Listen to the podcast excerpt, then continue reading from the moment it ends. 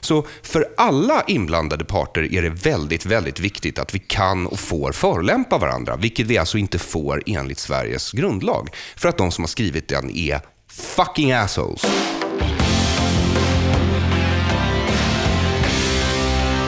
Eh, jo, jag tänkte säga att om dig då att du har eh, gått ner i vikt.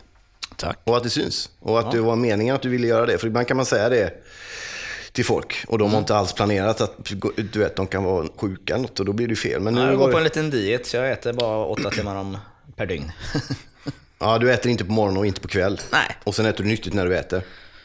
Och jag har inte börjat rört mig än, men det funkar bra hittills ändå. Ja, jag har bara sagt det. Öppet hjärta heter ju podcasten. Sitter som sagt på hotell Drottning Kristina, Birger Jarlsgatan 22 som Micke sa, under Kristallkrona. Nej, Birger Jarlsgatan 24. Vad sa jag då? 22. Ja, okej.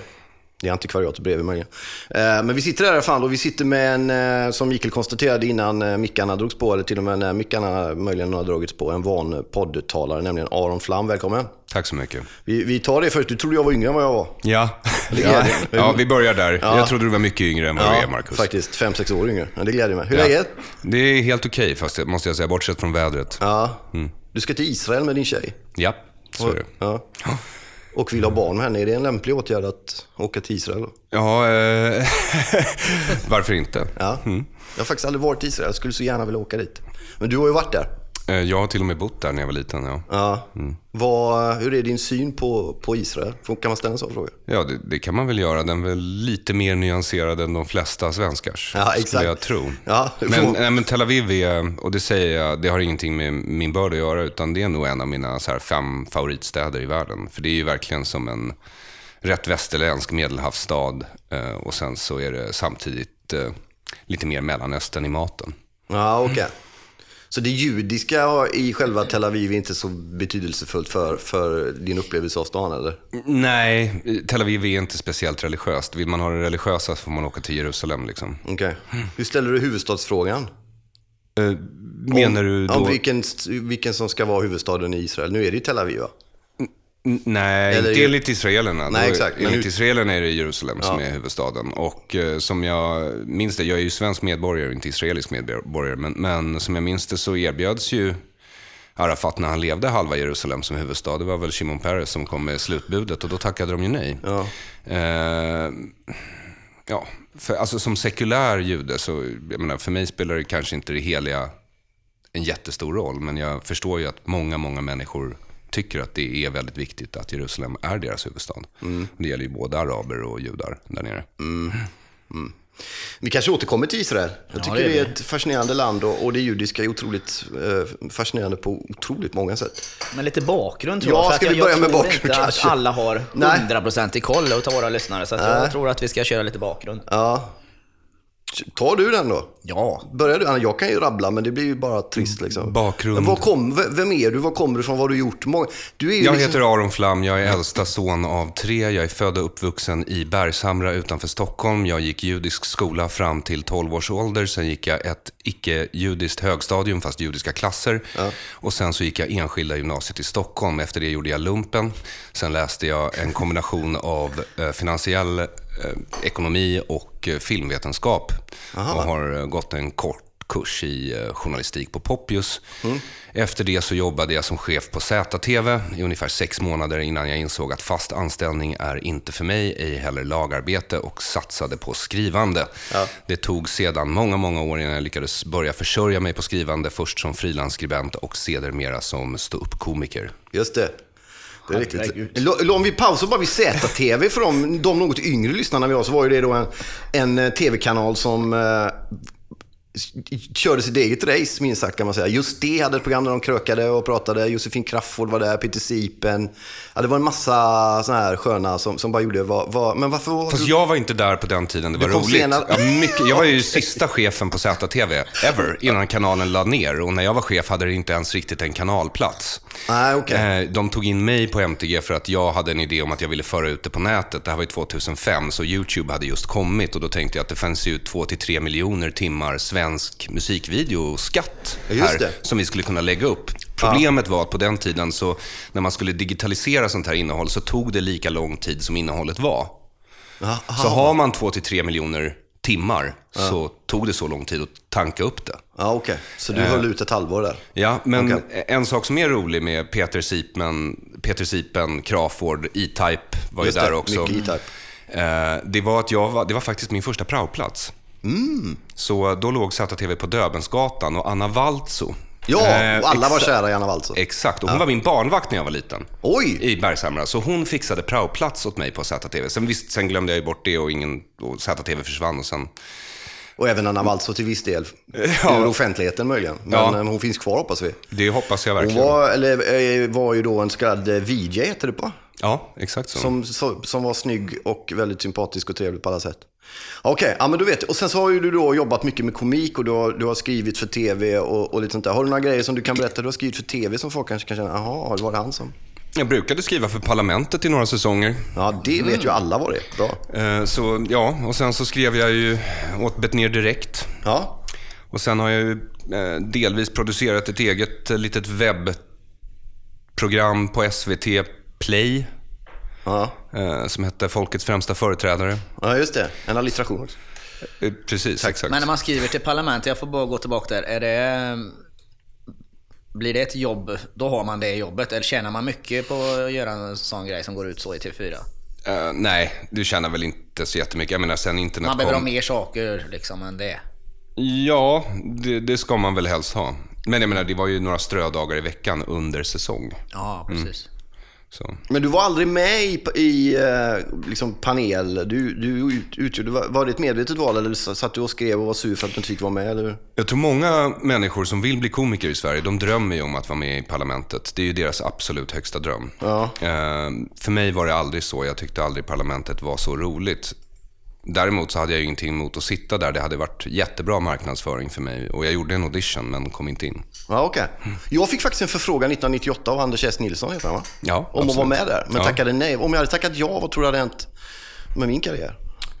Du hade blivit obscent folkkär. Ja. Nej, roligt tror jag inte man blir av att sitta i Parlamentet. nej. Men, Men nu har jag, jag tänker på så här, man tror ju att de är, är det väldigt eh, förberett det här parlamentet grejer? För man verkar som att det de är svinkvicka i huvudet och bara tar allting på volley. Är det sant? Ehm, vissa komiker är ju sådana. Alltså allt är superförberett. Men man kan ju inte tvinga en komiker att följa manus. Och de överbandar ju också. Så man spel, det sänds ju inte live, utan man spelar in mer än man behöver och sen klipper man ut det roliga. Liksom. Eh, och vi skriver ju så att det finns till alla. Allt. Alla kommentarer som man vill. Det finns alltid skämt, men det finns ju komiker som har så mycket talang så de behöver inte hjälp av en manusfattare. De kan sitta där och på studs komma på någonting roligare. Ja, okej. Vilka är det som behöver mest hjälp? Det är svårt att säga, men eh, Ja, det är det inte egentligen kanske, men det blir... Man... vem är mest manusbunden? Jag tror jag är nog den allra mest manusbundna komikern i Sverige. Är det så? Ja. Blir du nervös om du, liksom, du tappar det om du står upp? Nej, egentligen inte, men det är ju för att jag är så fruktansvärt manus... Alltså, eftersom manuset oftast sitter som katekesen i mig, Ja, så kan jag ju frångå det om det krävs. Liksom. Ja okej. Men du måste ha det stensatt, liksom, vad du ska säga. Två stentavlor skriver jag mitt manus på, vanligtvis vid sina i. Ja, bra. Ja, exakt. Bra, ta det till tjejen. Eh, men sen så, en, en resa som jag tycker är intressant om vi tar, det är liksom den här komikern som blev omvärldsanalytiker. Liksom. Alltså den intellektuella Aron Flam som har kommit fram väldigt mycket, eller fått ett otroligt genombrott, måste man ändå kunna säga när det gäller podcasten och det, det du gör i den. Och det har gått väldigt fort. Jag tror många som har upptäckt dig har upptäckt dig där och du har fått väldigt många följare. Och jag vet ju den här produktionen att du har fans och så, som inte kanske nödvändigtvis har någon större hänsyn till din komiska grej, utan mer intresserade av de lyssnar på dig som en av de stora tänkarna just nu, helt ärligt. Hur, hur, vad hände där? Liksom? inte det en rolig resa? Mm, ja, det... Eller ser du den själv så, som jag beskrev den? Alltså jag har ju alltid velat skriva och tänka och jag älskar personliga essäer men det jag publicerar, i, för du syftar på dekonstruktiv kritik nu, Ja, bland annat. eh, att eh, jag, det är lite som att jag började publicera min research för skämt. Ah, bakom kulisserna, hur Ja. går till. Lite mindmaps-grejer typ. Ja, men ämnesområden som vanligtvis brukar liksom destilleras ner till skämt för mig. Det är en enorm informationsinhämtning. Alla komiker jobbar absolut inte så här, men jag gör det för jag är nyfiken och älskar att läsa och sådär. Eh, Så jag hämtar in väldigt mycket information och den informationen ligger på min dator. Och då tänkte jag, jag kan lika gärna börja spela in den och släppa den. Liksom. Ah, så det är en sorts nörderi egentligen? Ja, absolut.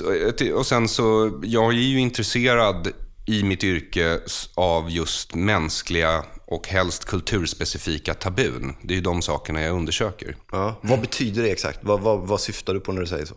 Vad är det för grej? va, men, tabun finns i alla mänskliga kulturer i alla tider. Ja. Ja, äta bajs till exempel, eller ligga med sina syskon. Ja. Det är tabun överallt. Då kan vi anta att det finns en biologisk grund för de här tabunerna. Ja, det gör du ju. Jag har gjort åtminstone ett av dem. Ja, jag skulle nog säga båda. Ja, det är. Ja. Ja, eh, medans, medans det kan uppstå kulturspecifika tabun som finns i en kultur bara på grund av att kulturen ser ut som den gör. Ja. Om vi tar den svenska då. Vi i Sverige 20, 2017 är det va? Vad är, här, vad, vad är det som är eller har varit tabu här om du ser tillbaka sista 3, 4, 5, 10 åren? Och nu? Jo, man får till exempel inte kalla islamister för nazister. Hoppsan. Du fick ju knappt kalla islamister islamister för, för något halvår sedan. Så är det.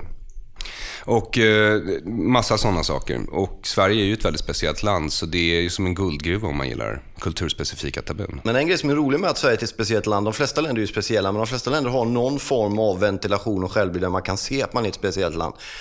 Här går inte det riktigt. Vi verkar inte uppfatta att vi är ett väldigt konstigt land. Utan vi tror att vi är normala och bäst och främst och, och liksom, så här är vi, sätter dagordningen för resten av världen. Liksom. Det är lustigt hur de där grejerna inte riktigt går ihop, eller hur? Vi är normala som alla andra, men vi är samtidigt bäst. Men så bra att vi inte behöver säga det till någon. Ja, exakt. Där har du ju den nya nationalsången på något sätt nästan. Ja, ja Men var, var, varför, varför är det så här just? Liksom? Du måste ju ha en ta- tänk på det också. Ja, jag har tänkt på det och det har väldigt mycket med eh, socialism att göra. Ja, bra. Att det har varit ett, ett liksom, konform... Vad heter det? Det har du sagt. att det Konformistiskt är- land. Ja, Det har du... Det här landet har varit socialistiskt superlänge. 100 år nästan. Och runt 1945, som av en slump, så bestämde de sig för att begrava en stor del av sin historia. Det skapade en lucka i kulturen som måste fyllas med någonting och sossarna valde att kalla det för neutralitet. Och eh, det baserar vi vår eh, moraliska överlägsenhet på. Vi är ju en moralisk supermakt. Ja, det är riktigt. Mm. Men det är tomt. Det finns inte så mycket annat där än eh, godhetssignalering. Nej. Du sa en intressant sak i en annan podd eh, där du sa att Sverige, Sverige har egentligen bara haft en stormaktstid och det är inte den tiden som, det är ingen annan som sa du. Det var du som sa det. Det är, inte, det är inget annat land som kallar den svenska stormaktstiden för stormaktstid. Nej. Men det är roligt, för det är sant. Ja. Men den enda stormaktstiden som du känner att du, eller som, som Sverige haft, det är just under några år därefter när alla andra skrapade upp resten av sina bombade länder och vi hade folkhemmet. Ja. Som många sneglade på. Exakt. Och jag hade aldrig tänkt på det på det sättet riktigt. Där har du en synnerligen, om vi bara tar sättet du beskriver det på, så är du närmast unik i det här kulturella mediala Sverige att, att beskriva svåra komplex på ett ganska enkelt, tydligt sätt. Det är du väldigt, väldigt bra på. Jag hade aldrig tänkt på det på det sättet, men du har naturligtvis rätt i det. Eh, men, men varför tror du att eh, vi gärna vill se oss som en stormakt fortfarande då, även i den här situationen, eller även när det gäller den här delen? Liksom? Det moraliska? Ja. Eh, Därför att annars skulle vi vara tvungna att erkänna en massa historiska oförrätter vi har begått. Och jag, säger, jag tror vare sig på kollektiv skuld eller arvsynd. Och Nej, nej. det- Jag, jag vet att du gör det, men jag gör Ja, inte ja, det. delvis. Ja. Eh, Men, så, jag menar, det är inte så att jag tycker att dagens svenskar ska på något sätt eh, ta ansvar för vad tidigare generationer har gjort. Däremot så tror jag att om man är ärlig med sin historia eh, så förstår man sin plats i den på ett bättre sätt. Man ser sitt sammanhang. Mm. Och då tror jag att vi inte längre skulle kunna gå runt och skrika att vi är en moralisk supermakt. För som det är nu för andra människor som tittar på Sverige när vi går runt och säger till dem vad de ska göra och att vi är så goda. Då tänker de, ja men ni då? Er smutsiga byk, varför får vi aldrig höra om den? Man kan ta ett konkret eller sånt nutidsexempel i den så kallade svenska utrikespol- den feministiska utrikespolitiken. Som jag tycker är intressant, som de har sagt att vi har. Hur tycker du att... Vad, Hur det går? Ja. Ja. Robert Mugabe blev ju just utnämnd till eh, Världshälsoorganisationens ordförande, så jag antar att vi är på rätt väg. Ja, och sen hade vi ju ett gäng kvinnliga som var bland annat nere i något eh, Mellanösternland där va? Och klädde sig sjalar och, ja, och stod och bockade och bugade för, för en... Vad, vad, men, men hur får man... Alltså för det är sådana som jag och andra kan ju sätta finger på det och skriva om det och bli marginaliserade på grund av det och så. Men du som ändå då har en annan typ av makt och säger det. Vad är det du gör på ett bättre sätt än, än, än andra gör för att folk Men lyssnar? jag, vet, nej, men jag vet inte om jag gör... Men du är ju smartare kanske. Du är inte lika. Du är ju mer slip. Du är ju Ja, smartare. fast alltså, om vi jämför oss två, Marcus, så har väl du en större räckvidd i media än vad jag har? Alltså, jag blir ju väldigt sällan insläppt liksom. Och det, Är det så? Ja, absolut. Och, och det beror... är, man, är man är rädd för dig eller? Jag har fått det berättat för mig, ja. Jag förstår inte riktigt varför man är rädd för en, en 1,75 Nej, men du- du ska ju lång, liten neurotisk jude. Men, men, men ja. Men du ska ju ägna det här året åt... eh, Att krossa socialismen? Ja, precis. Och, och är det en sån grej som skrämmer, tror du eller? Det tror jag nog det kan göra, men då tar ju folk mig på extremt stort allvar. Jag menar, jag tar mig på extremt stort allvar, men andra behöver ju inte göra det. Nej. Nej, men det är roligt. Men jag, där är vi nog lika tror jag. Alla vi som är i det här rummet, vi tar ju, åtminstone, kanske inte Micke lika mycket, men jag tar ju också det jag gör på väldigt stort allvar. Problemet med mig, till skillnad från dig och Aron då, framförallt och kanske även Mikael, har ju varit att ni med Aron först har ju varit bättre på att kunna garva åt att ni tar er själva på allvar. Jag, Ja, jo. Fast jag, jag tror, alltså komik, för mig i alla fall, är, är komik tragedi med punchlines ja, Så när du sätter dig ner och har en känsla och vill skriva, för det är så det börjar för oss båda antar jag. Ja. och så, så öser man ur sig och sen så tittar man på det man har skrivit. Eh, och där publicerar du. Men det, men det gör inte jag. men det är Utan- det här jag var utan- ute efter ja. innan, när smartheten kommer. Nej, men, och så tittar jag på det här och så tänker jag så här, men gud vilken patetisk människa jag är. Och så börjar jag driva med mig själv i texten, alltså här, säga emot mig själv. Och de motsägningarna, de är ju ofta punchlines. Så då blir det som att jag får fram den känsla som jag hade från början, för den behöver ju inte vara fel. Nej. Men i och med punchlinesen så nyanseras den lite. Men du har en spärr alltså, så du Ah, kollar okej. igenom det först innan du trycker enter. Där, jag skulle nog säga att, eh, ja, ja, verkligen. Alltså jag måste ju tvinga mig själv att publicera saker. Varje gång. Och jag, och jag får publiceringsångest efter varje gång jag släpper Men vad är du rädd för då? Att jag har gjort fel, att jag har sagt fel, att jag har skrivit fel, att jag inte har gjort det tillräckligt bra. Är du rädd för att göra någon annan illa? För du är ju ganska vass. Eh, nej, inte på det sättet. Inte mord. Va- Nej, okej. Alltså, Man kan väl alltså såra om, om jag försöker göra någon illa med ord, då hoppas jag att jag lyckas. Ja, precis. Mm. Därför att det är syftet. Oövertänkt är det inte. Ja, okej. Jag, det, det är inte charmigt om man tänker igenom vad jag faktiskt sysslar med, men så är det. Jag är, alltså, komiker är ju någon sorts samhällskritiker. Och i kritik så blir folk sårade. Och så även jag. Jag har också fått kritik. Som jag ibland har tyckt varit orättvis. Och ibland rättvis. Och den rättvisa gör ju mer ont. Men jag tänker också Ja, lite grann på den, den, den makten som är runt omkring de här komikerna. Då, man ser, är de, det har ju du pratat mycket på Marcus, som är lite, mer insatt i det. Det är, det är Bettner, det är Schyffert, det är, det, det, är en, det är en klan runt omkring här. Blir du insläppt där då? Nej. Det är bomstopp där. Ja, jo, jo, men alltså Schyffert har ju väl aldrig kanske riktigt gillat mig. Men, men sen efter förra turnén och då jag skämtar rätt mycket om honom eh, på Kejsaren är naken så tror jag nog att eh, det ska mycket till om han ens nickar åt mig i offentliga sammanhang. Så han, han, han gillar att skoja om andra, men kan inte riktigt ta ett skämt själv. Är det en simpel konklusion av sammanhanget? Som sagt, det beror väl på hur sant skämtet är. Men är han den stora makt eh, som talar om... Schyffert har en enorm makt i Sverige, så är det ju. Men han slog ju igenom, precis som många i hans generation, under en tid när vi hade två tv-kanaler. Den typen av genomslag tror jag ingen eh, framöver kommer få. Liksom. Nej. Men en grej som jag undrat när det gäller, nu får du stå till svars för era komiker och det är kanske inte helt rättvist naturligtvis och du får du göra nyansskillnader där. Men det känns som att det, det är liksom det här... Jag tar ansvar för mig själv. Ja, bra. Gör du det verkligen? Nej, knappt. Men, men jag kan verkligen inte ta ansvar för mer. Nej, men det känns som att de ska, liksom vara, de ska vara progressiva, de ska vara modiga, det ska vara den här Lenny Bruce-grejen. Och, och de, varje gång man hör dem, du får rätta mig när jag har fel, så, eh, så är det samma dörrar de slår upp. Det är samma de ger sig på. Det är ungefär samma personer, samma fenomen. Och det är framförallt samma grejer, fenomen, strömningar, människor som de inte ger sig på, vågar. Men där tycker ju nog du och jag lika om mina kollegor, är jag rädd. Därför att min ståndpunkt när det kommer till komik är det här. Som komiker är jag emot saker. Till exempel det här årets projekt att krossa socialismen. Jag är emot socialismen. Det behöver inte betyda att jag är för någonting annat. Sen kan jag som person vara för massor med saker. Men som komiker är jag inte för saker. Och jag tycker att många av mina kollegor, utan att nämna några namn, de har ställt sig för saker. Ja. Och då är du inte komiker längre, utan då är du liksom galjonsfigur i någon sorts politisk rörelse.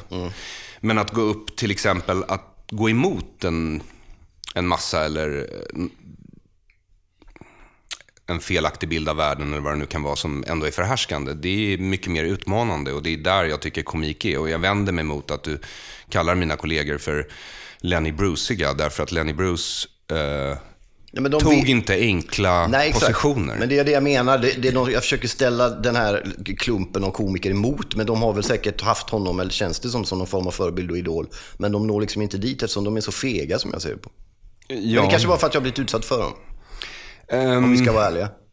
För då blir man ju... Nej, det tror Alltså jag vet inte om... Alltså för dig kanske det är personligt. Men alltså, Allt är personligt för alla. Ja, men mitt problem, alltså, jag kan ju uppskatta kollegor jag inte håller med. För att jag tycker att de är hantverksskickliga. det är Ah, som en okej. musiker som tittar på en annan musiker och kanske inte gillar musikstilen, men gillar hur de spelar. Eller att de är duktiga på sitt instrument och kan respektera det. Liksom. Eh, Men sen så, rent ideologiskt så håller jag ju väldigt sällan med. Och i vissa fall så skulle jag nog säga att jag inte ens anser dem vara komiker. Utan att det är något helt annat. Det är ett annat fenomen. Och det är någonting jag ser egentligen nästan bara i Sverige. Det handlar väldigt mycket om stora halleluja-möten där alla håller med varandra och applåderar. Men jag hör väldigt sällan skratt. Och skratt är väl ändå komik?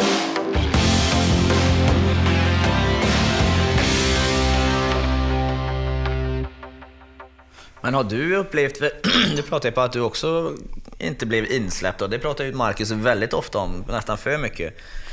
Eh, Ja. och tänker, har det varit svårt med jobb och liksom man ska ändå leva och klara sig och det är ju ett yrke liksom. Mm. Men du skulle aldrig liksom kunna... Jag jobbar ju med det här för att jag vill ta den här typen av risker och för att jag vill föra fram impopulära budskap eller nyansera bilden av saker. Så jag räknar ju med att det är ett svårt liv. Och sen om man tittar på de förebilder jag hade som barn, till exempel Lenny Bruce eller Bill Hicks. Jag menar de här människorna, eller Hunter S. Thompson, det här är inte människor som levde lyckliga liv där de blev accepterade och älskade av alla förbehållslöst. Utan eh, det är ju människor som har utstått väldigt, väldigt mycket hat, men efter sin död ofta fått rätt. Och eh, jag vet att jag är som sekulär och inte ens tror på ett efterliv. Jag vet inte riktigt varför jag strävar efter det här som mål, men det gör jag. Ja, du kommer inte få någon form av, eh, av möjlighet att ens närma dig ett erkännande då, om du inte ens tror på att det händer något efter sen. nej, nej. Men jag menar, om jag ska gå på den religion jag är född in i, så har vi ju inte ett efterliv i den heller. Nej, nej, Till och med sant. där blir det meningslöst. Men jag är ju fascinerad av den här, eh, liksom, av, av din eld, ditt patos och senare tid också då när man tar till alltså ditt mod att våga det här. För det är, jag vet vad det krävs och jag vet vad det kostar och så. Var kommer det där ifrån tror du? Vad patoset och... Alltså, patos kanske jag kan hålla med om. Jag vet inte om det jag har är mod. Jag tycker mod är mer fys... Alltså, för jag riskerar egentligen inget annat än mitt sociala anseende. Och som är rätt Men det eh, är del. som det är. Ja, okej.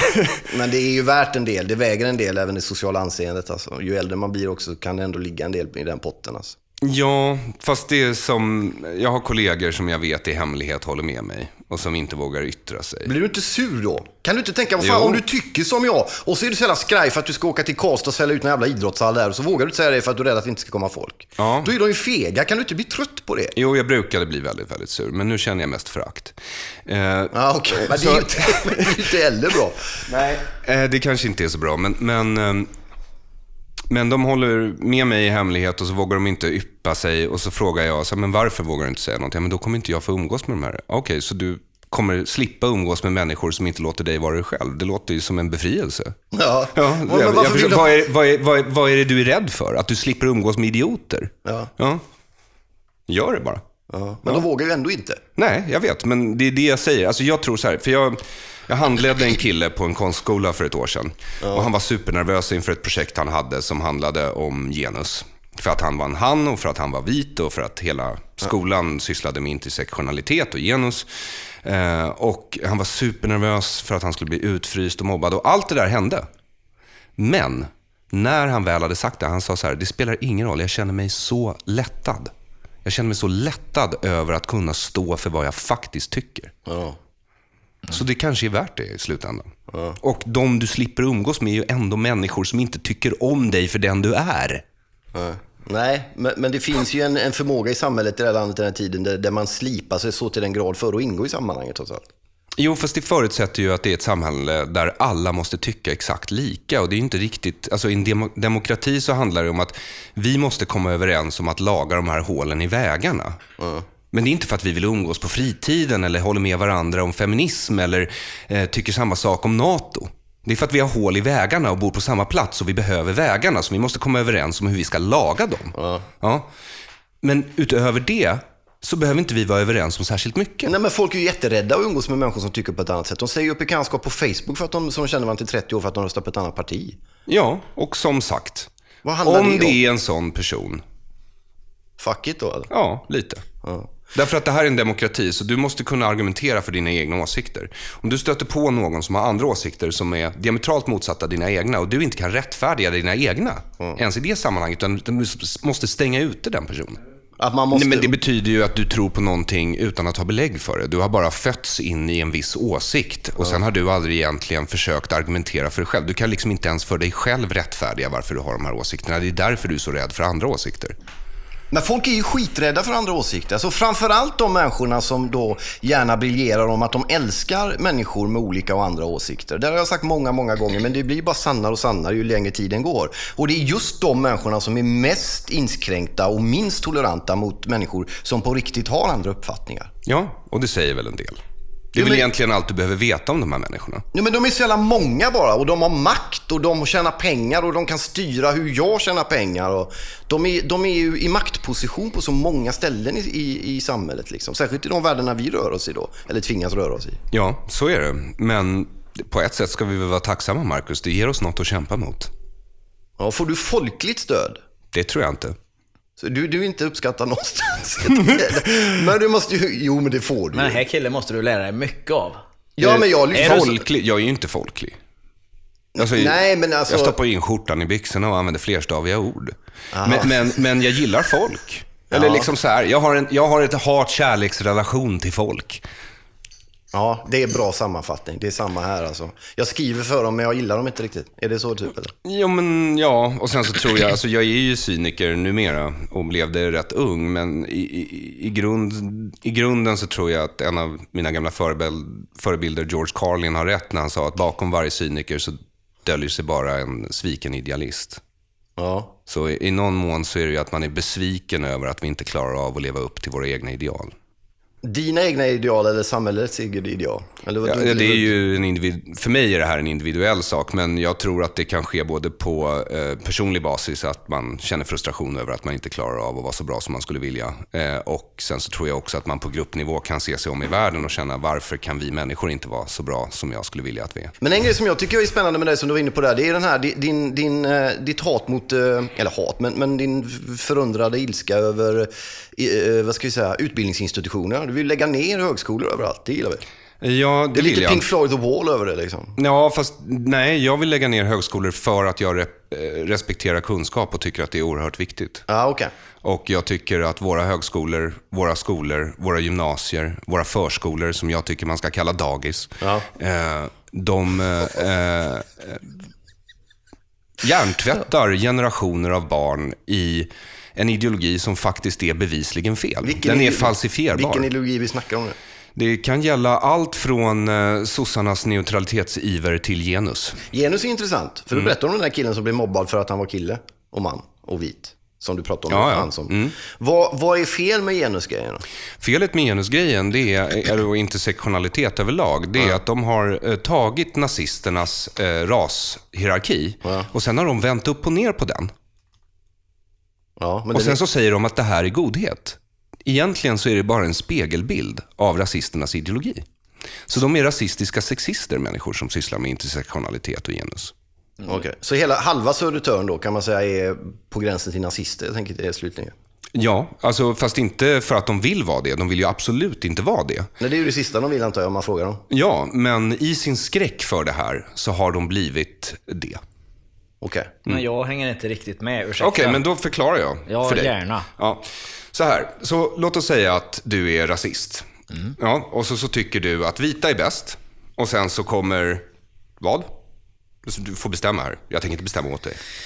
Nej, då tar vi väl eh, svarta då. Okej, alltså du kommer på andra plats. Mm. Jaha, romer och judar och... Ja. ja, okej. Visst, fine.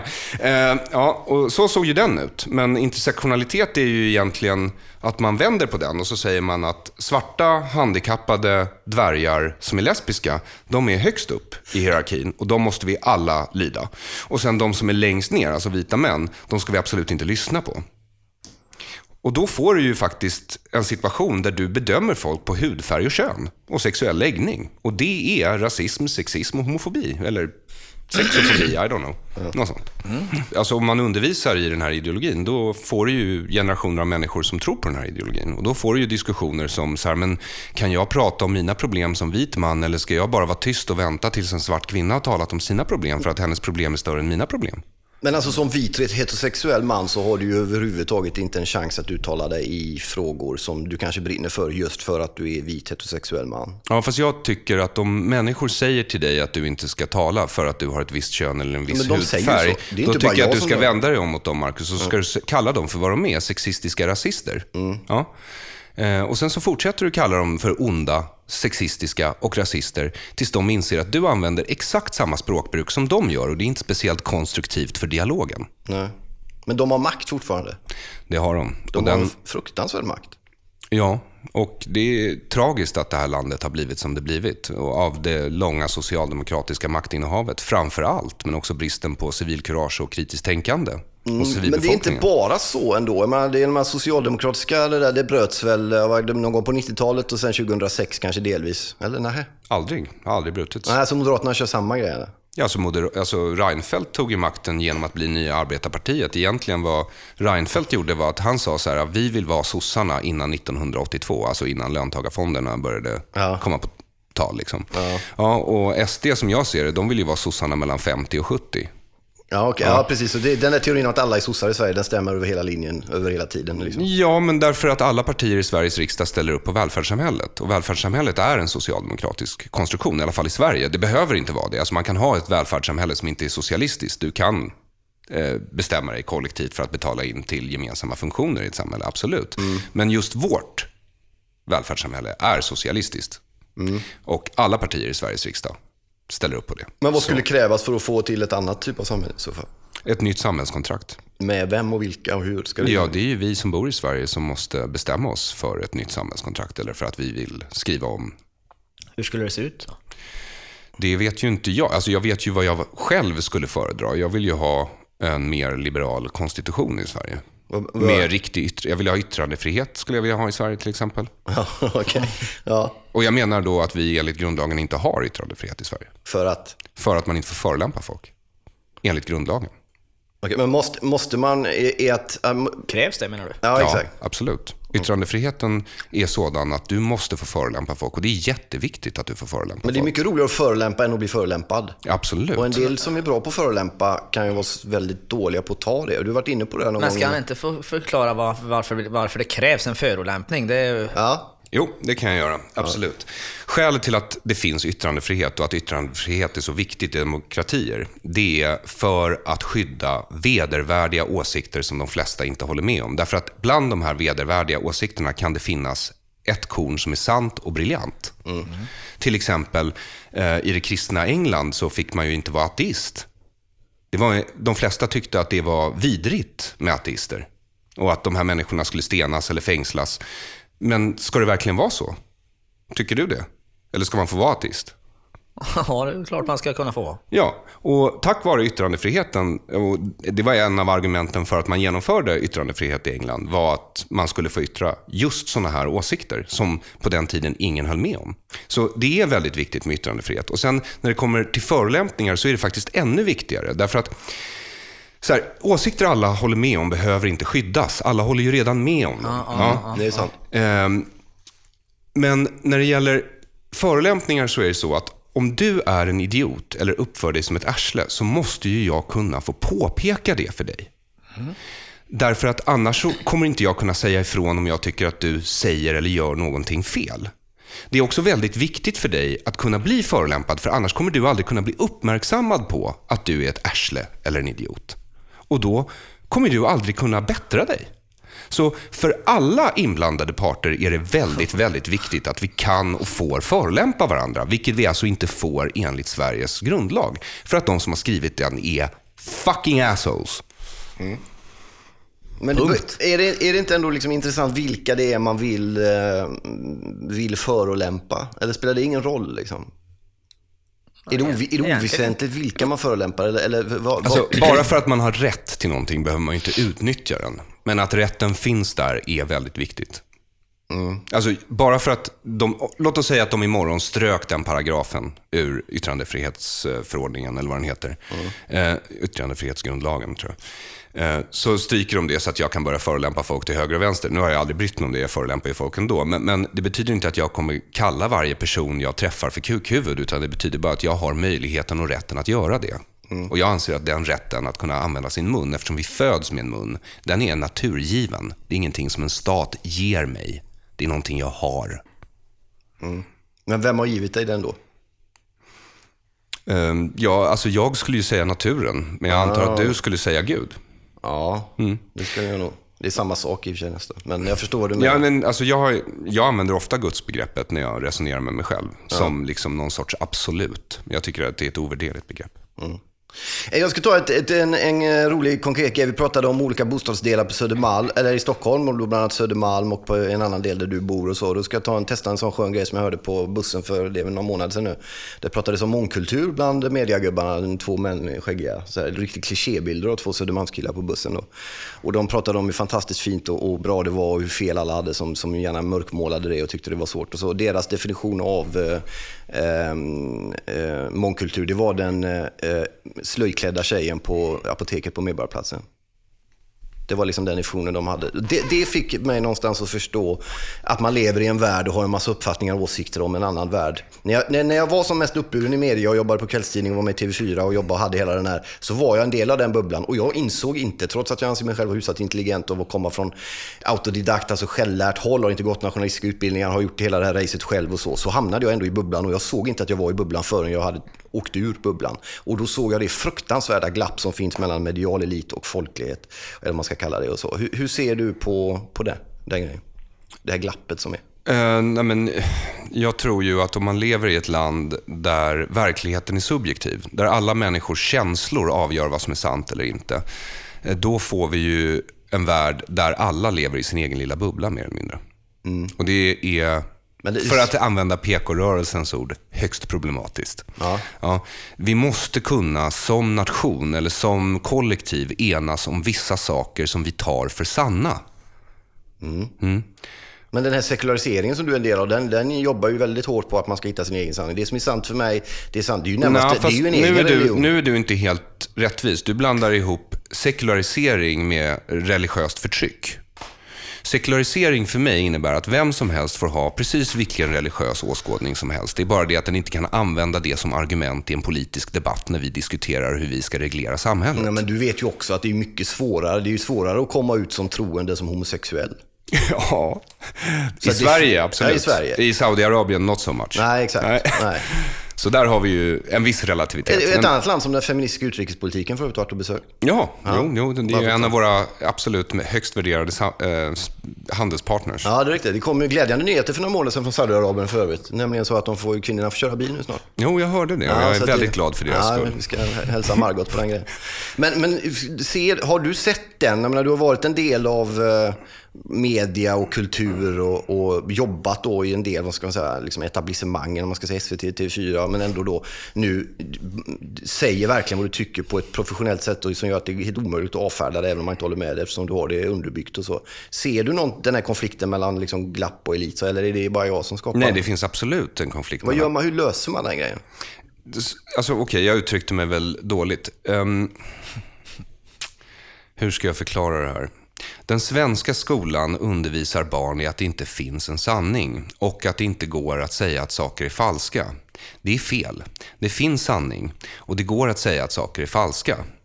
Men undervisar du folk i det här, då kommer de växa upp i en värld som är helt relativ. Det betyder att den som ljuger bäst vinner. Och då tror eliten att den kan ljuga hur mycket som helst. Så länge den ljuger bättre än folket så kommer den komma undan med det. Men så är inte fallet, därför att det finns en objektiv verklighet. Allting är inte tolkning. Ja, exakt.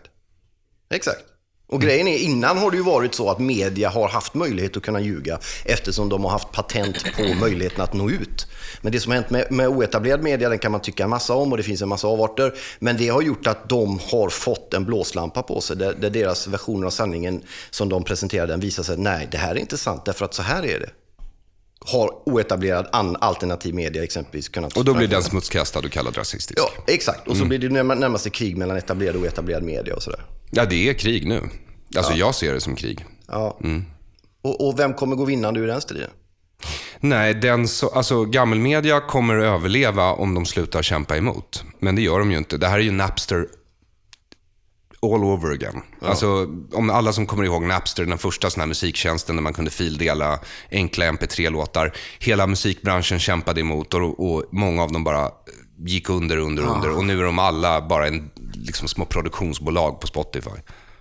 Jaha, så det kommer splittras upp liksom och flyta runt där i något mediekosmos? Alltså när en ny teknologi kommer, då är det så att den som har stått för vad förtjänst som ska ersättas av den nya teknologin, de kan antingen omfamna den och gå in i den nya världen, eller så går de under. Ja. För, för jag menar, det är ju inte så jättelänge sedan och vi är ju inte så jättegamla, men, men alltså, det är ju för en 15, 15 år sedan så fanns det fyra eller fem tidningar, tre, fyra tv-kanaler och någonting till. Och det som sades där, det var slutna rum. Den sanning som presenterades där, den var, det var sanningen. Det fanns, ingen, fanns inga andra som ifrågasatte det. Liksom. Det har Nej. gått väldigt fort egentligen, den utvecklingen. Så är det. Den har gått extremt snabbt. Men man ska veta att bibliotek har alltid funnits i Sverige. Även om arbetarrörelsen väljer ut vilka böcker som finns där så går det att beställa även från utländska bibliotek. Så ingen har egentligen en ursäkt. All kunskap har funnits tillgänglig för svenskar mycket, mycket längre än för de flesta andra folk på jorden. Och nu när internet finns, när folk stirrar sig blinda på Instagram istället för att liksom de sitter framför ett 24 timmar om dygnet öppet bibliotek med tillgång till hur mycket information som helst, så bryr de sig inte om det.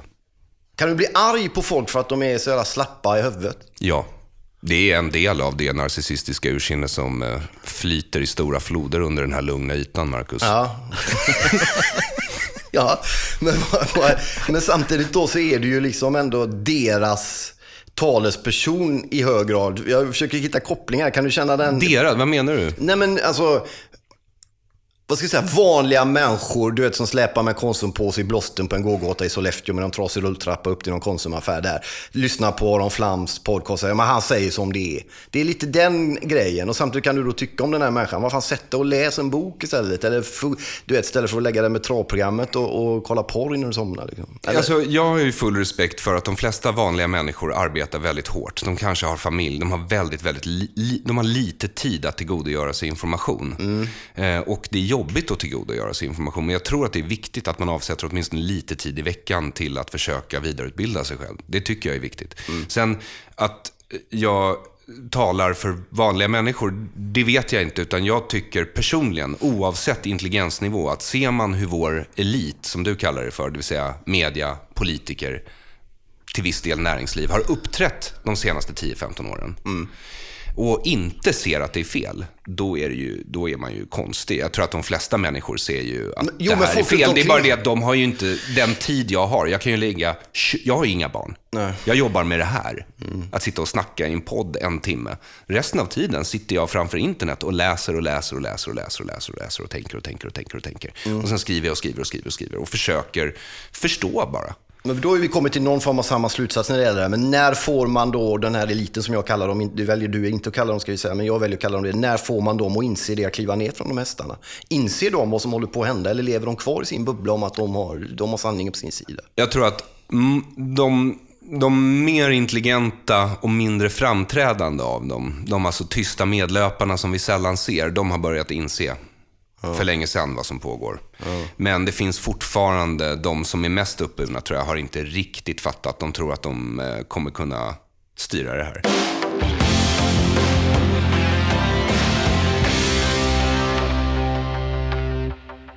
Micke försöker lära mig att inte skriva på Twitter och Facebook tre gånger om dagen vad var det jag sa. Det är, Ja, jag, jag, tror, jag tycker inte den är värst gynnsam. och det är den ju inte. Men ibland får jag en känsla av när jag kollar igenom medieklimat de sista tre, fyra åren sen jag åkte ut från de stora plattformarna. Jag är ju på en del plattformar fortfarande så det är inget synd om mig på något sätt. Även om en del tror att jag tror att jag tycker att det är synd om mig. Men att det, det, det, alltså i stort sett allt det jag skrev om och beskrev, det har ju hänt då. Nu sitter jag egentligen i podden och säger vad var det jag sa? Men jag vill ju inte göra det. Men får du sån känsla ibland? Nej men fatta, vad var det jag sa? Ehm, ja, eller liksom... Jag, jag har ju en viss så här... jag har ofta en Cassandra-känsla. Cassandra var ju den här profetissan i, i grekisk mytologi som fick liksom, hon fick en förbannelse över sig att hon kunde se alla olyckor som skulle drabba alla omkring henne. Men hon fick förbannelsen att när hon sa det så trodde ingen på henne. Och den känslan har jag burit med mig sedan jag var Det är ju för tonåring. fan ännu värre. Det är ju ännu värre än att vilja säga vad var jag sa. Så du är egentligen Paulus, skulle man kunna säga. Du är, Nej, du är en apostel. En, du, eller en profet, du, är, alltså, du får profetior helt enkelt. Och det visar sig att de har haft, och du har haft rätt och ingen har trott på dem. Det är ju underbart. Eh, Ja, fast jag tror att, som jag säger när det gäller det här du säger här, att jag skriver för vanliga människor. Nej, det vet jag sjutton, men jag tror att det är många som har haft, får såna här eh, grejer. Det är bara det att de kanske inte har tid eller möjlighet att föra fram dem. Nej, det är sant. Det är sant. För jag Eh, menar, de här diskussionerna försiggår ju överallt. Runt fikaborden och, och hela tiden. Människor skapar ju kultur bara genom att mötas. Liksom. Men det är därför jag undrar ibland när jag fortfarande ser på daglig basis hur de här mediala, kulturella, politiska eliten, som jag väljer att kalla dem då, hur de handskas med det här, så är det som att de fatt, fortfarande inte har fattat vilken avgrund de står inför. När de handskas med, med hur de håller varandra bakom ryggen och hur, och hur... Där de förr kunde hålla varandra bakom ryggen och ingen såg att de gjorde det. Där är en stor spotlight i ansiktet på dem. Hela världen ser att de håller varandra bakom ryggen och ändå fortsätter de. Ja, men, de, det, men alltså. de högst upp har ingen val längre. Därför att de har propagerat för ett paradigm som vid det här laget är uppenbarligen falskt. Det är bevisligen falskt vid det här laget. Vet de om det? Chefredaktörer och andra. Jag, jag tror att till och med de dummaste kanske inte har formulerat det för sig själva, men de har en gnagande känsla i sig. Och sen i vissa fall så tar det väl sig rena Arnstad-uttryck, det vill säga att man skriker nazist åt alla till höger och vänster. Ja, medan man åker skateboard med hjul och, och lampor på nere i Götgatan. Ja. Han, han, han, han gör det. Okej. Jag, jag, jag hoppas att skateboarden har hjul. Lamporna tyckte jag var lite Ja, nej, overkill. men det var någon ny grej han har där. Ja. En grej som jag tänkte på lite, vi är ju ganska överens om, om, eh, om väldigt mycket. Eh, Och det har jag väl tyckt länge, men du har ändå varit och vevat lite på mig. Ja, det har jag ju varit. Ska vi, vi ta några av de grejerna kanske bara kort innan Micke... Go!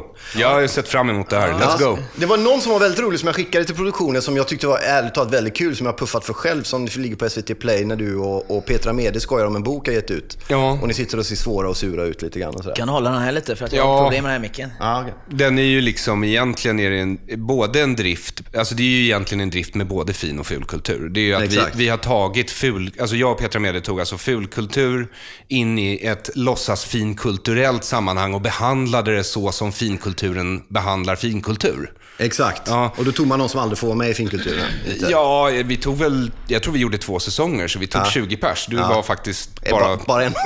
bara en av dem. För mig har du sagt att det bara var Så. du. Du utgjorde bara 5% är jag rädd. Och eh, jag minns inte vad hon hette som var ihop med Fader Darwich. Eh, och sen Sara Varga läste jag upp med stor behållning, minns jag också. Ja. Eh, så det, det fanns ju... Det var fler. Ja, det, det, Ja. det, det fanns Men många. den här, den här tyckte jag var väldigt rolig, där eh, Aron Flam svarar Marcus Birro apropå hans uppmärksammade Expressen-krönika. Jag tror att du har den i minnet också. Jajamän, jag var Eh. väldigt elak där. För den, den är tuff alltså. Jag, jag satt och smålog igår när, Ja, jag, när, jag jag, när gjorde. jag läste den här. För Vad att- handlade men huvudtexten Jag om? har ju sagt liknande saker som står här. Jag kan berätta om du Ja, vill. Det här var ju angående den här krönikan du skrev om den 12-åriga tjejen. I rullstol eller? Ja, exakt. Jag blev lurad av en TV3-sketch.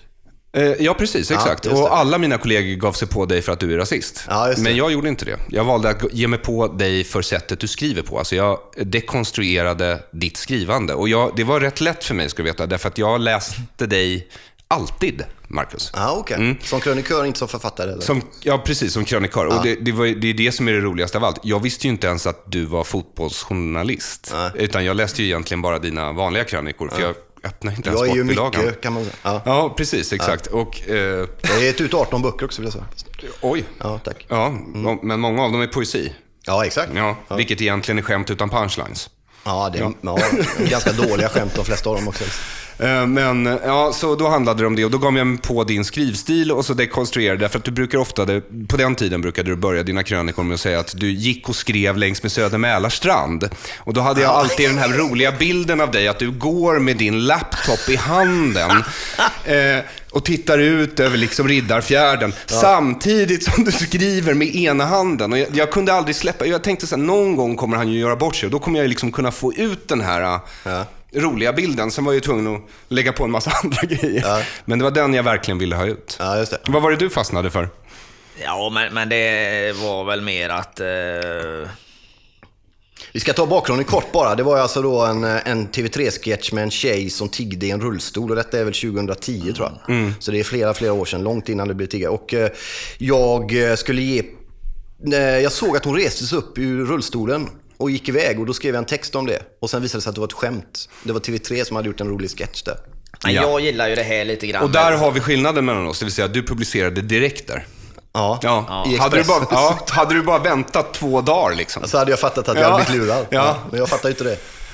Åh. Så det Men fattar jag, det var ju öppet att mål. Även Marcus Byrå. Men det är, faktiskt, det är faktiskt inte så att vi inte vill missförstå Marcus. Det är bara det att det inte går annat än att missförstå förstå honom. Och så eh, får du han här till att eh, han är, är som ett pubertalt barn. Och då menar du väl kanske lite grann det här med att eh, vi slänger iväg den här lite snabbt. Enter-knappen. Känslomässig. Du, Ja, har, ja, jag har alltid uppfattat dig som väldigt, väldigt känslomässig. Ja. Och det är ju närmast att be om stryk i det här landet.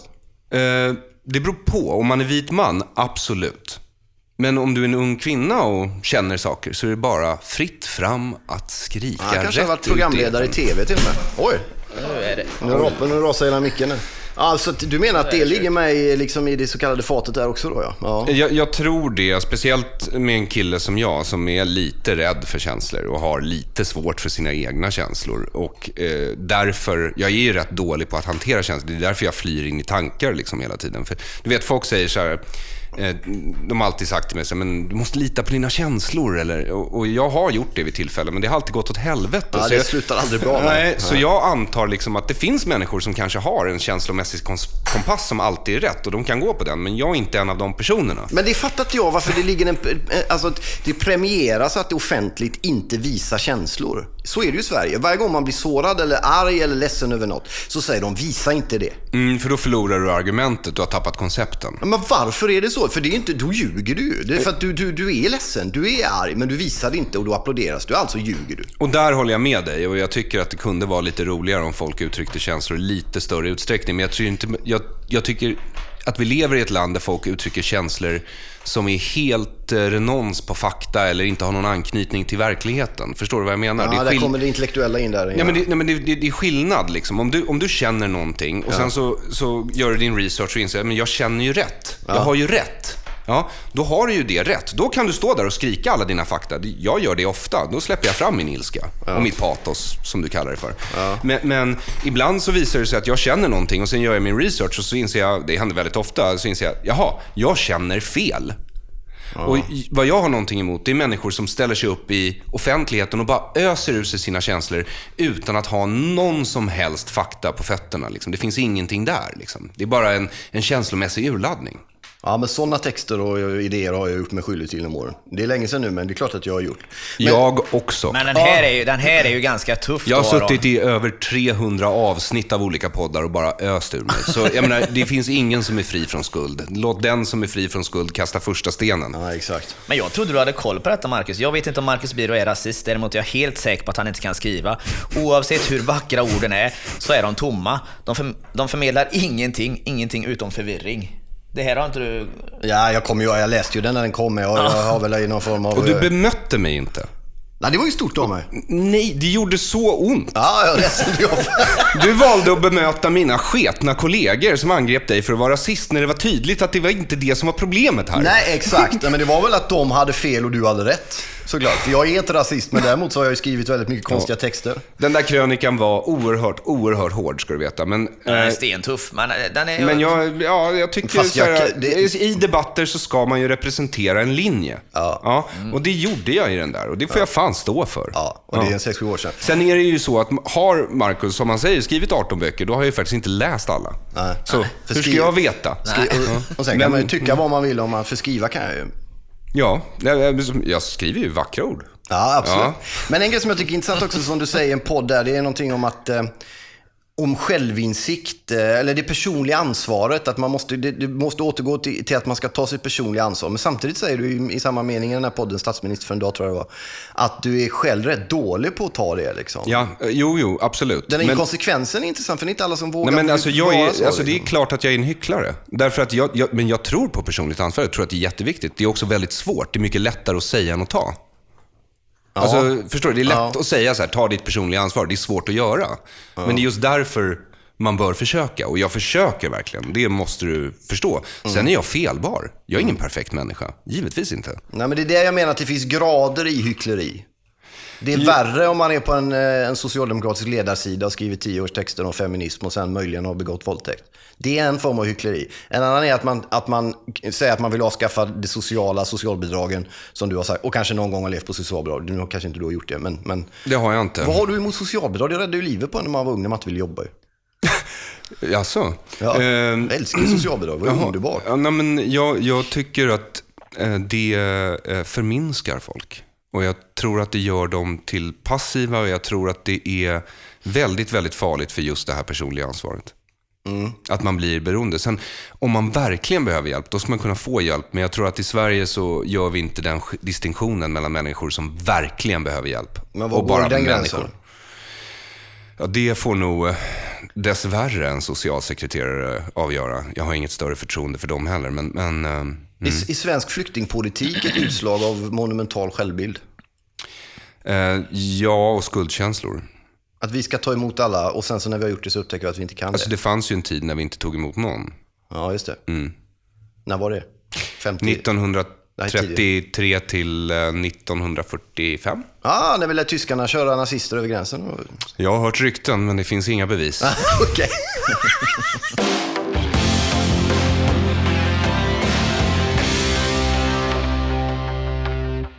Hur många böcker har du själv skrivit? Då? Eh, inga. Nej. Har du en sån dröm? Bli- Ja, absolut. Men jag har ju också min publiceringsskräck. Vad är, hur ser den ut? Den vill man ju... Nej, men jag... är Det du berättade om innan eller? Nej, men jag är ju rädd. Ja, precis. Jag är rädd för att det ska bli kast. Liksom. Men vad vill du skriva i så fall? Roman eller typ liksom det, det du pratar om? Allt. Är det därför du har varit spökskrivare? Ja. Nej, eller så här är det att jag, jag, eh, jag sa till mina föräldrar att jag vill försörja mig på skrivande och då sa de ja, nyckelordet här är försörja sig. Så, eh, så, så eh, när jag började då som frilansare så tog jag ju vilka skrivjobb som helst för jag ville bara lära mig alla typer av skrivande. Så jag har skrivit allt ifrån affärsplaner till annonsbilagor, till reportage, till krönikor. Till liksom. Och sen så efter ett tag så började man ju inse var man har sina styrkor och komik var ju en av mina styrkor så då hamnade jag där. Liksom. Men en spökskrivare, har den, har den någon slags plikt att alltid vara hemlig eller ska man avslöja sig som spökskrivare? För det har du väl gjort va? Eh, man ska absolut inte avslöja sig som spökskrivare. Varför gjorde du det? Jag gjorde det därför att jag tycker att Alexandra Pascalidou har fått ljuga i den svenska offentligheten tillräckligt länge. Och det är dags att någon åtminstone försöker säga någonting någonstans om henne. Hon, har- hon eh, medger ju inte att du har skrivit till henne. Nej, jag vet. Eller hon kommenterar överhuvudtaget inte. Nej. Nej. Och klara sig med det och jobba vidare? Japp. Ja, exakt. Det Vem ju- skriver åt henne nu tror du? Eller vet du? Eh, nej, alltså jag vet inte vem som skriver åt henne nu, men Alexandra är ju eh, en person som inte ska ha makt. Av den enkla anledningen att hon kan inte hantera det. Men det har du sagt om dig själv också. ja, men, Ja, ja, ja, men jag har inte tagit med den typen Nej. av makt som Alexandra tar sig. Nej, men vad, vad är det hon inte kan hantera och hur har hon visat det? Ja, i varenda text hon har skrivit. I vartenda program hon någonsin har modererat. Eh, hon var ju P1 Debatt, tror jag hon var programledare för. Det var ju något av det mest anskrämliga jag har hört i svensk radio. Och då är ändå konkurrensen om anskrämlighet hög. Ja, det är riktigt. Ja, man måste ändå säga att ni är duktiga pojkar. Och eh, Marcus, det finns en sak jag respekterar dig för, apropå hur många gånger du blivit utslängd från saker. Från en brobrännare till en annan. Ja, tack. Grattis. Ja, det är bra. Problemet med brobrännarna bara när man blir äldre är att man ibland upptäcker man, oj shit, jag måste tillbaks över floden igen, hem igen. Jag hoppas. Och då har du ingen bro att kliva över va? Det är Nej. det som är, när man är ung skiter man i det, då går man ju bara vidare in i djungeln liksom. Så är det. Men när redskapen tar slut och man upptäcker att nej, men jag ska nog tillbaks. Nej, just det, ja, den brinner där borta. Det var tråkigt. Tror, Ja, du, jag- tror ja. du att du skulle vara lite försiktigare om man säger så? För du, du verkar ju väldigt tuff så. Tror du att du skulle vara lite försiktigare om du hade barn? Mycket bra fråga. Eh, ja. Det skulle jag vara. Jag skulle vara mycket försiktigare om jag hade barn. Jag tror att också det är en anledning till att jag inte tidigare skaffade barn. För att jag ehm, tänkte att det är väl bättre att ingen annan än jag blir skadad av det jag gör om jag ska göra sådana här saker. Du vill ju väldigt gärna ha barn nu sa du eh, tidigare. Då är, är, det, är det ett tecken på att du börjar tröttna på att och, och vara så tuff kanske? Nej. Nej. Utan det är mer så att jag har helt eh, kastat ankar. Jag skiter nu i vad som händer. Jag får eh, ta ansvar för vad jag gör inför mina barn när de konfronterar mig, antagligen runt 13-årsåldern, mm. för vad jag har gjort. Alltså det, det kommer ju ett annat moment in när man får barn då. Det, det, jag, både jag och Micke har ju barn och det är ju den här att, att vara stolt över vem man är. Att, att, och det här är ju, går ju i linje med det du gör faktiskt. Då, att vara, alltså stå för det man är, stå för det man tycker även när det blåser. Att vara rak i ryggen även om man förlorar jobb för att man gör det man tror på. Den grejen att bära in i faderskapet är faktiskt en ganska tung grej att bära också. Så det är inte säkert att man blir mer varsam och mjukare och lite sådär. Utan det kan nästan bli tvärtom. Att jag ska visa mina barn att jag står för det jag gör. Liksom. De blir en påminnelse om varför det var viktigt att man går sig ut på den där striden en gång i tiden. Jag hoppas verkligen att du har rätt och att jag inte blir fegare om jag mot all förmodan, eller inte mot all förmodan, om jag lyckas i min ambition att få barn. Ja, mm. Men det gäller ju att hitta någon som har en livmoder för detta. Ja, det är riktigt. De kan även ha både hjärta och huvud och ben och armar och själ och känslor och så inför det också. Så har du hela paketet där. Fast nu målar ju du upp någon drömbild om en fantastisk värld där ja, allt det... går som man vill. Ja, exakt. Och den världen har vi ju båda lämnat. ja. Vad, hur ser närmaste framtiden ut då? Nej, jag ska ägna mig åt dekonstruktiv kritik eh, eh, mer eller mindre på heltid fram till valet. Och jag har lovat min lyssnarskara att försöka skriva en bok. Ja, okej. Okay. Oh. Bra. Hur stor lyssnarskara har du ungefär? Får man fråga det? Den är stor? Det har jag ingen aning om, därför att jag kollar inte på statistik eh, under tre år. Okay. Bok? Så, alltså så här är att, vad jag menar är att jag har haft, eh, dekonstruktiv kritik har bara gått i 40 plus avsnitt. Och det är ett och ett halvt, två, två år ungefär. Och tittar du på statistik efter varje post du postar, då blir det ofta så att du blir styrd av statistiken eller likesen eller någonting. Och så jag ignorerar det och sen så vart tredje år så kan man kolla så här, har utvecklingen varit positiv eller negativ? Ah, då okay. slipper man distraheras av det. Är du bra på, det, på, på att göra det? Att hålla det borta Jag från... tycker att jag är hyfsat bra, men det finns, det, finns, det finns svåra perioder då jag googlar mig själv, absolut. Så ah. är, det. Mm. är det en bra eller en jobbig upplevelse? Eller både och? Alltså jag älskar ju, alltså det, det, är det som är det roliga. Det är med skräckblandad förtjusning. Och sen komplimanger har jag alltid haft svårt för att ta, så de ignorerar jag och så läser jag mina kritiker. Ja. Och ibland så får de ju verkligen till det, det måste man ge dem. Ja. Mm. ja, det är riktigt faktiskt. Boken då, som du pratade om att du lovar din lyssnarskara, som du har lovat igen nu då. Vad är det för bok den här gången? Jag tänkte att den skulle handla om tystnad. Det är ändå ah, svenskarnas paradgren, tystnad. Ja, det är riktigt. Mm. Livshotande i svenska mått mätt kan jag tycka. Men vad, vad är din uppfattning om det? Ja, jag tror att det är verkligen dags att vi bryter tystnaden. Om? Allt. Ja. Jag tror att vi måste ha en livskraftig demokrati där åsikter av alla slag eh, stöts och blöts mot varandra så att vi får fram de absolut bästa.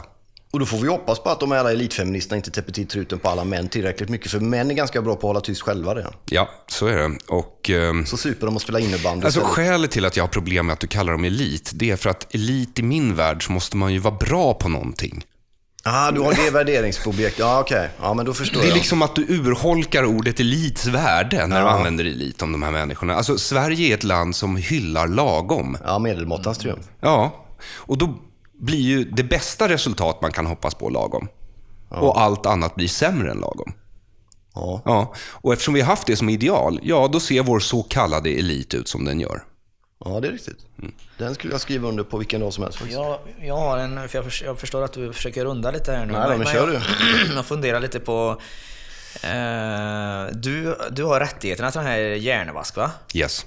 Eh, I Sverige. Ja, i Sverige. Mm. Vad, vad, ser du för möjligheter att ens Nej, kunna ser, få, ja, få alltså det skulle detta? Vara, det Vi skulle kanske berätta vad järnvask är för någonting, för inte alla har koll på det.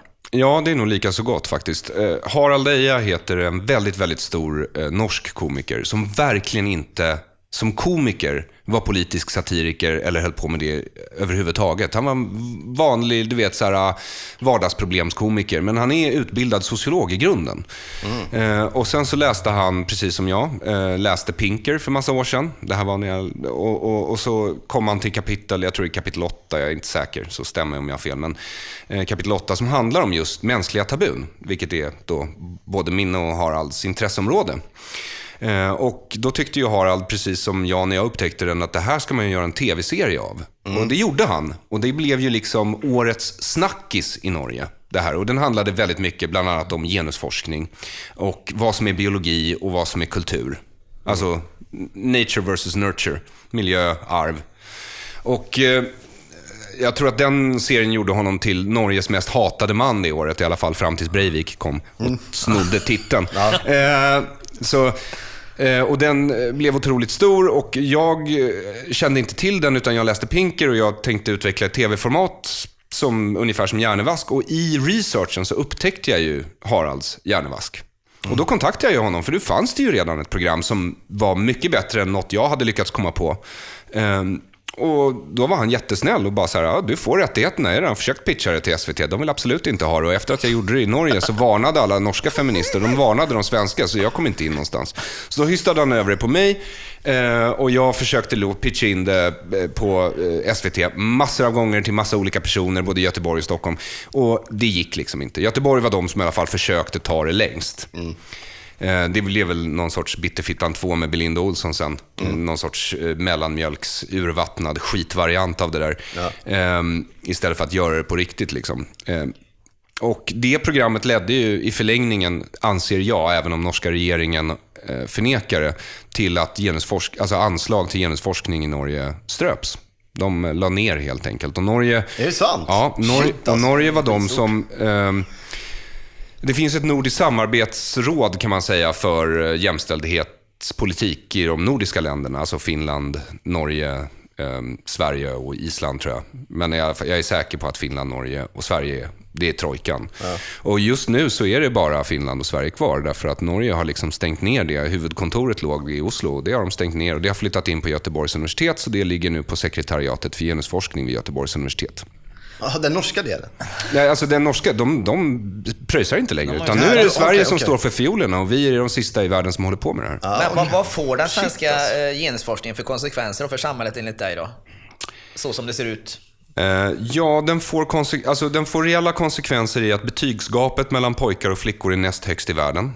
Alltså i, i skolan. Och pojkarna är de som har sämst, ska vi säga då. Ja, de har sämst. Och, det, och det börjar verkligen, 1990 så kan du se statistiken, det är då det börjar. Det är då genus förs in i pedagogiken i skolan. Och efter det så ökar gapet. Alltså tjejer var alltid bättre än pojkar i skolan. Så det har alltid funnits liksom en fördel för tjejer. De mognar ju tidigare också, det är liksom biologiskt, det är inte så mycket vi kan göra åt det. Eh, Men eh, efter 1990 så växer växer gapet lavinartat och fortsätter växa idag och det är ingen som bryr sig. Och resultatet, ja, du får en massa killar som kommer ut och sen så kommer de väl inte in på högre utbildning och sen så får de väl inte jobb och så blir de väl missnöjda och frustrerade och arga eftersom människor ofta, i alla fall män, baserar eh, sin självkänsla på prestationer och ja, då får vi ett väldigt, väldigt farligt samhälle. Men en feminist skulle då kanske säga att ja, men den kampen jag för, den inkluderar killarna. Ja, Ja, jag bara försöker... ja, ja, absolut. Det kanske de skulle säga, men då vill jag se bevis på det och jag har ännu inte sett några. Så det här är alltså, då, det är ju någon form av... Eh, Sexism. Ja, men statsfin... Institutionaliserad. statsfinansierad då. Statsfinansierad, institutional, institutionaliserad och inskriven i lag. Varför gör Sexism. inte män revolt mot den här skiten mycket mer? Därför att vi är män. Och är... Vi tar skit. Okej. Mm, Men det nästa- gör kvinnor också. Men, men ehm, nej, det är faktiskt, eh, det, det kanske är skuldkänslor, det kanske är att svenska män är kuvade sedan länge, länge på ett helt annat sätt än de flesta andra kulturers män. Jag, jag vet För, faktiskt jag menar, inte det har varför varit det har gått så långt. För det här är inget du säger. Det har ju varit en sanning i 20 år att, att då sa de framtidens, det vill säga nutidens förlorare, redan då var unga män på landsbygden till exempel. Det där är ju, och det har ju bara ökat, ökat, ökat, ökat. Den där. Ja. Det, det är ju bara att gå och kolla i papperna. Men hur ska en svensk Ja. man vara då? Eller? En man... Förbannad framför allt. Ja, men Det hur... tycker jag. Riktigt förbannad. Men det kommer ju inte hända. Eh, Eller kommer det hända? Och vad händer då? Alltså vi får se hur långt det går. Ja, Men vi- det, ja, jag, jag, jag tycker det ska bli spännande att se var gränsen går. Liksom. ja. Är, den, är det långt kvar tror du? Ja, det ser så ut. Ah, vi har några härliga år framför oss. Ja, men jättestort tack Aron Flam för att du kom hit och styrde upp tillvaron lite. Tack så mycket. och tack, tack. för att jag fick komma.